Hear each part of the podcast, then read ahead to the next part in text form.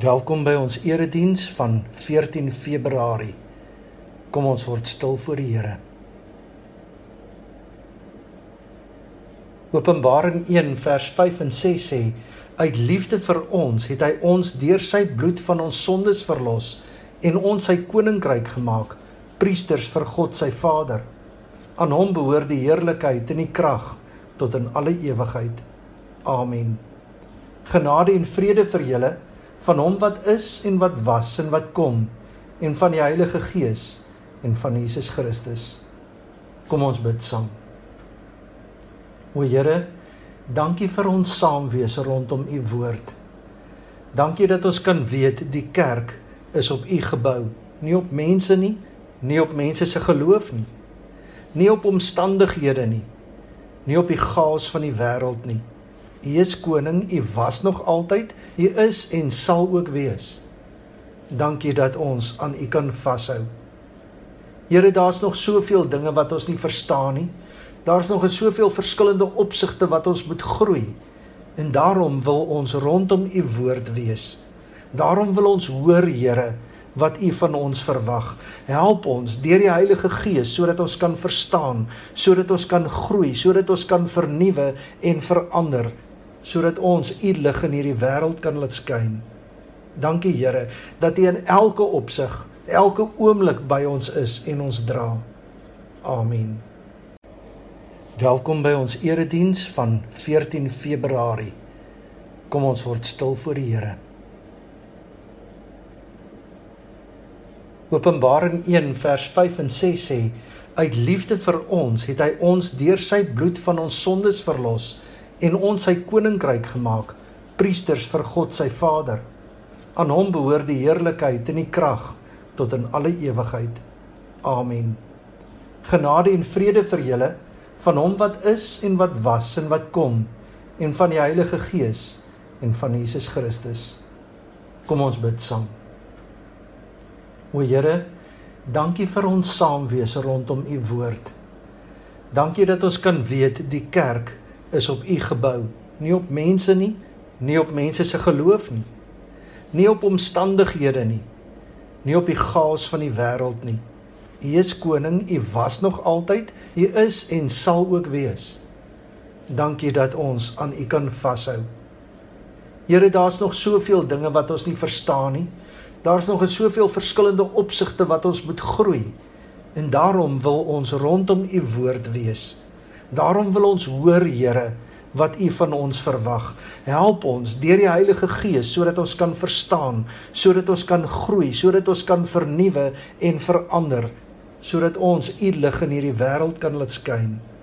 Dankie Here dat U in elke opsig, elke oomblik by ons is en ons dra. Amen. Ons lees uit Johannes 18 van vers 33 af. Pilatus het toe weer in sy amptswoning ingegaan en Jesus geroep en vir hom gevra: "Is jy die koning van die Jode?"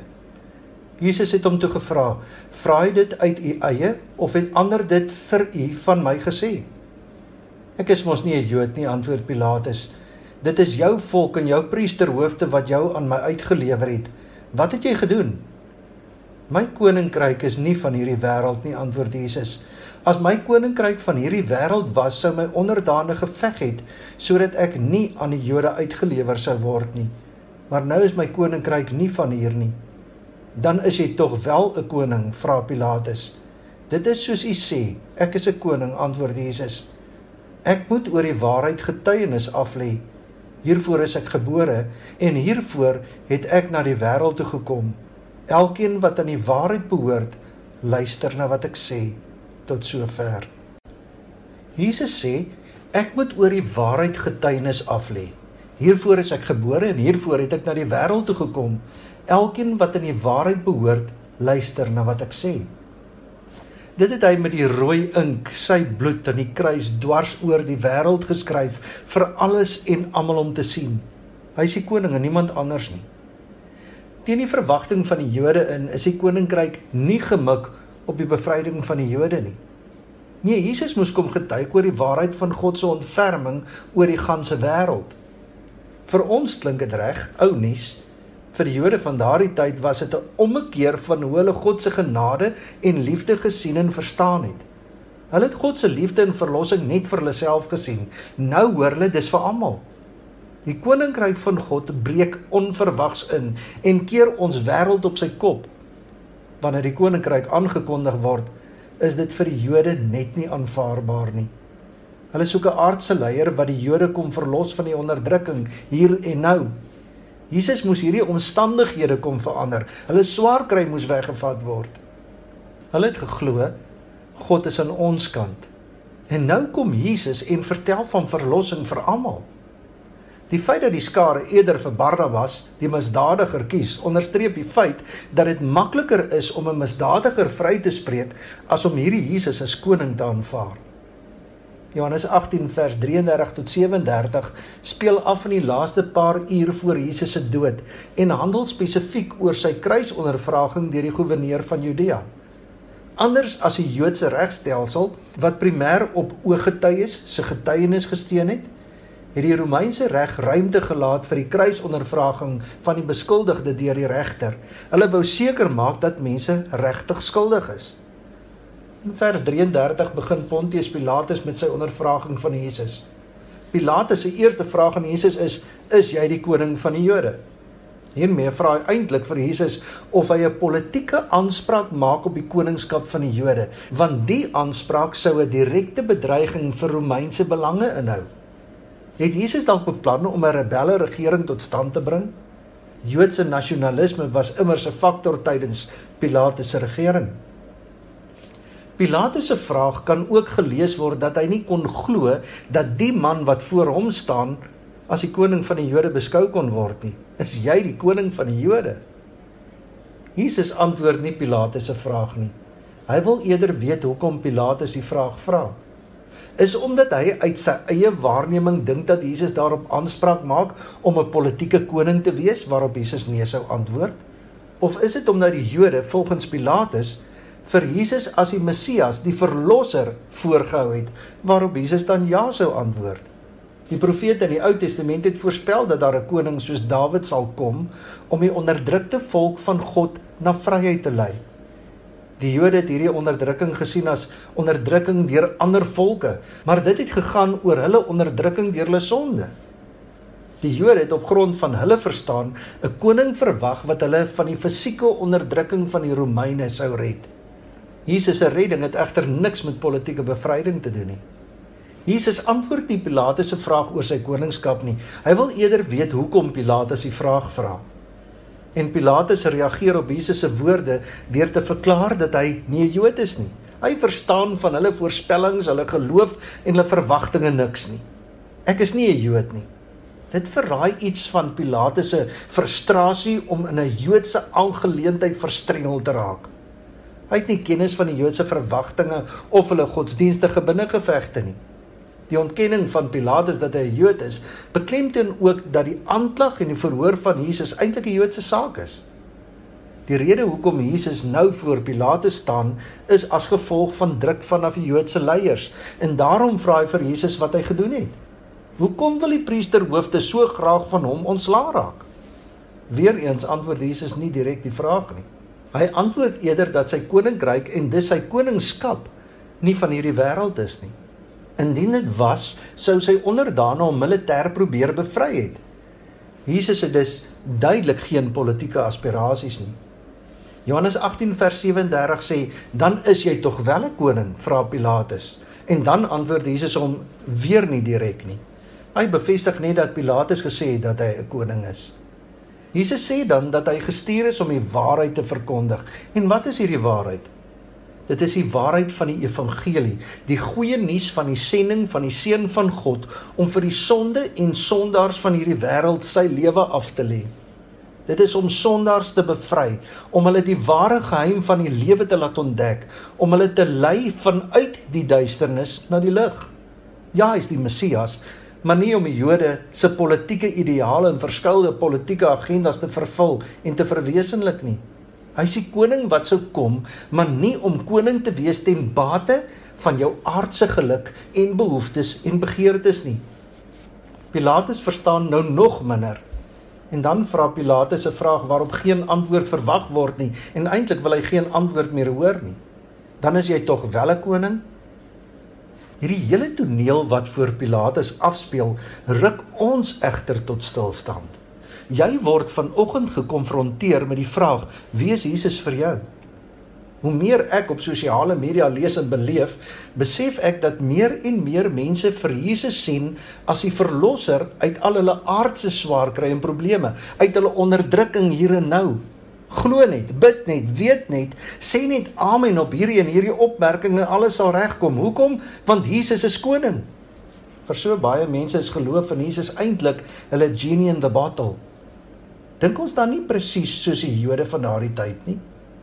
Jesus het nie gekom om jou van die hier en nou te kom bevry nie. Hy het gekom om vir jou sondes aan die kruis te sterf sodat jy in alle omstandighede vrygekoop kan en sal lewe. 2 Korintiërs 4 vers 16 en verder sê dit tog so duidelik. Om hierdie rede word ons nie moedeloos nie. Al is ons uiterlik besig om te vergaan, innerlik word ons van dag tot dag vernuwe. Ons swaar kry in hierdie lewe is maar gering en gaan verby. Maar dit loop vir ons uit op 'n heerlikheid wat alles verreweg oortref en wat ewig bly. Ons oog is nie op die sigbare dinge gerig nie, maar op die onsigbare, want die sigbare dinge is tydelik, maar die onsigbare ewig. Hoe reageer ons op die koninkryk van God? Hoe hoor ons die waarheid van die evangelie? Gaan alles maar net weer oor ons vreugde en voorspoed? Of gaan godsdiens vir jou oor oorgawe en jou daagliks aan God oorgee? Romeine 12 vers 1 sê mos en nou doen ek 'n beroep op julle broers op grond van die groot ontferming van God. Gee julle self aan God as lewende en heilige offers wat vir hom aanneemlik is. Dis die wesenlike van die godsdiens wat julle moet beoefen. Onthou die sigbare dinge is tydelik maar die onsigbare ewig Gaan jou godsdiens oor jou of oor God? Dien jy vir God met alles of dit nou met jou goed gaan of nie? Jesus is gekruisig op grond van skindernuus en gerugte. Skinderstories is versprei waarin vertel word dat Jesus 'n revolusie teen Rome gaan lei. In sy gesprek met Pilatus erken Jesus dat hy 'n koning is, maar nie die soort waaraan Pilatus gewoond is nie. My koninkryk is nie van hier nie. Jesus se koninkryk kan nie in die wêreldse terme gemeet word nie. Om aan Jesus te behoort maak nie van jou 'n prins of prinses nie, maar 'n diensknegt. Jou verlossing maak jou nie beter as ander nie, eerder meer nederig omdat jy weet dat jy dit nie verdien nie. Dit maak jou nie selfsugtig en nie sin dat gelukkig is jy nie soos die ander sondaars nie. Jy besef en onthou dat jy uit genade gered is. Jy gaan nie hemel toe oor alles wat jy gedoen het nie. Jy gaan hemel toe op grond van dit wat Jesus in jou plek gedoen het. Dit is nie jou geloof wat so groot is nie. Dit is jou verlosser wat so groot is. Inteendeel, Jesus sê self hier in Johannes 18 vers 36, "My koninkryk is nie van hierdie wêreld nie." Hy verkondig die koninkryk van God. Hy dra nie 'n goue kroon nie, maar wel 'n kruis. 'n Kruis wat sy mense bevry het. Jesus dra die kruis sodat jy die kroon van verlossing en oorwinning kan dra. Onthou ons aanbid 'n nederige koning. Hy het dit kom wys deur sy lewe op aarde, 'n krib, nederige disippels, 'n donkie waarop hy ry, die voetwassing en heel op die einde die kruis. Moenie vir God soek tussen al die wow in die wêreld nie. Soek vir God waar iemand nederig iemand anders dien. Aan die kruis hang Jesus met die doringkroon van die soldate op sy kop en Pilatus se spot opskrif bo aan die kruis, die koning van die Jode. Almal lag in spot. En alles wat Jesus vir ons sê om te doen, is so anders as wat die wêreld voorstel. Jesus sê: "Hê jou vyande lief. Vergewe mekaar 70 maal 7 keer." Met ander woorde, oneindig. Luister 'n bietjie na Jesus se grondwet vir sy koninkryk. Matteus 5 vers 3 tot 12. Geseënd is die wat weet hoe afhanklik hulle van God is, want aan hulle behoort die koninkryk van die hemel. Geseënd is die wat treur, want hulle sal vertroos word. Geseënd is die sagmoediges, want hulle sal die nuwe aarde ontvang. Geseënd is die wat honger en dors na wat reg is, want hulle sal versadig word. Geseënd is die wat barmhartig is, want aan hulle sal barmhartigheid bewys word. Geseënd is die wat rein van hart is, want hulle sal God sien. Geseënd is die vredemakers, want hulle sal kinders van God genoem word. Geseënd is die wat vervolg word omdat hulle doen wat reg is, want aan hulle behoort die koninkryk van die hemel. Geseënd is julle wanneer die mense julle ter wille van my beledig en vervolg en valslik al wat sleg is van julle sê. Wees bly en verheug, want julle loon is groot in die hemel. Amen. Kom ons bid saam. O Here, die Jode het 'n koning gesoek vir die hier en die nou. Hulle het verlossing gesoek uit hulle wêreldse omstandighede uit. Hulle wou weer in beheer wees. Hulle wou sê wat reg is en wat verkeerd is en hoe hulle lewe moet lyk. Here vergewe ons dat ons in hierdie tyd waarin ons lewe eintlik maar weer presies dieselfde doen. Dat so baie mense U dien vir die voordeel wat hulle daaruit kan kry. Dat so baie mense bid sodat dit met hulle beter kan gaan. Dat soveel mense glo ter wille van hulle eie voordeel. Maar Here, U is tog so groter as al hierdie dinge. U het ons kom bevry van sonde. U het ons kom nuut maak. En daarom vra U van ons, gee Julleself aan God as heilige en lewende offers wat vir Hom aanneemlik is. Want Here, dan sal ons kan onderskei wat vir U reg is en aanneemlik is en goed is. Help ons o Here om so te leef dat ons sal nederig wees, dat ons sal dien dat ons sal lief hê. U moet ons hele hart, siel, verstand en krag en die mense rondom ons soos onsself. Help ons o Here dat dit in ons lewens en ons godsdiens nie rondom onsself sal draai nie, maar oor u koningskap. Amen. Ons vra elke Sondag vir 'n virtuele kollekte. Gaan asseblief na www.ngpongola.com Daar kan jy met SnapScan of met EFT 'n bydrae maak. Baie dankie vir jou ondersteuning. Die Here sal julle seën en julle beskerm. Die Here sal tot julle redding verskyn en julle genadig wees. Die Here sal julle gebede verhoor en aan julle vrede gee. Amen.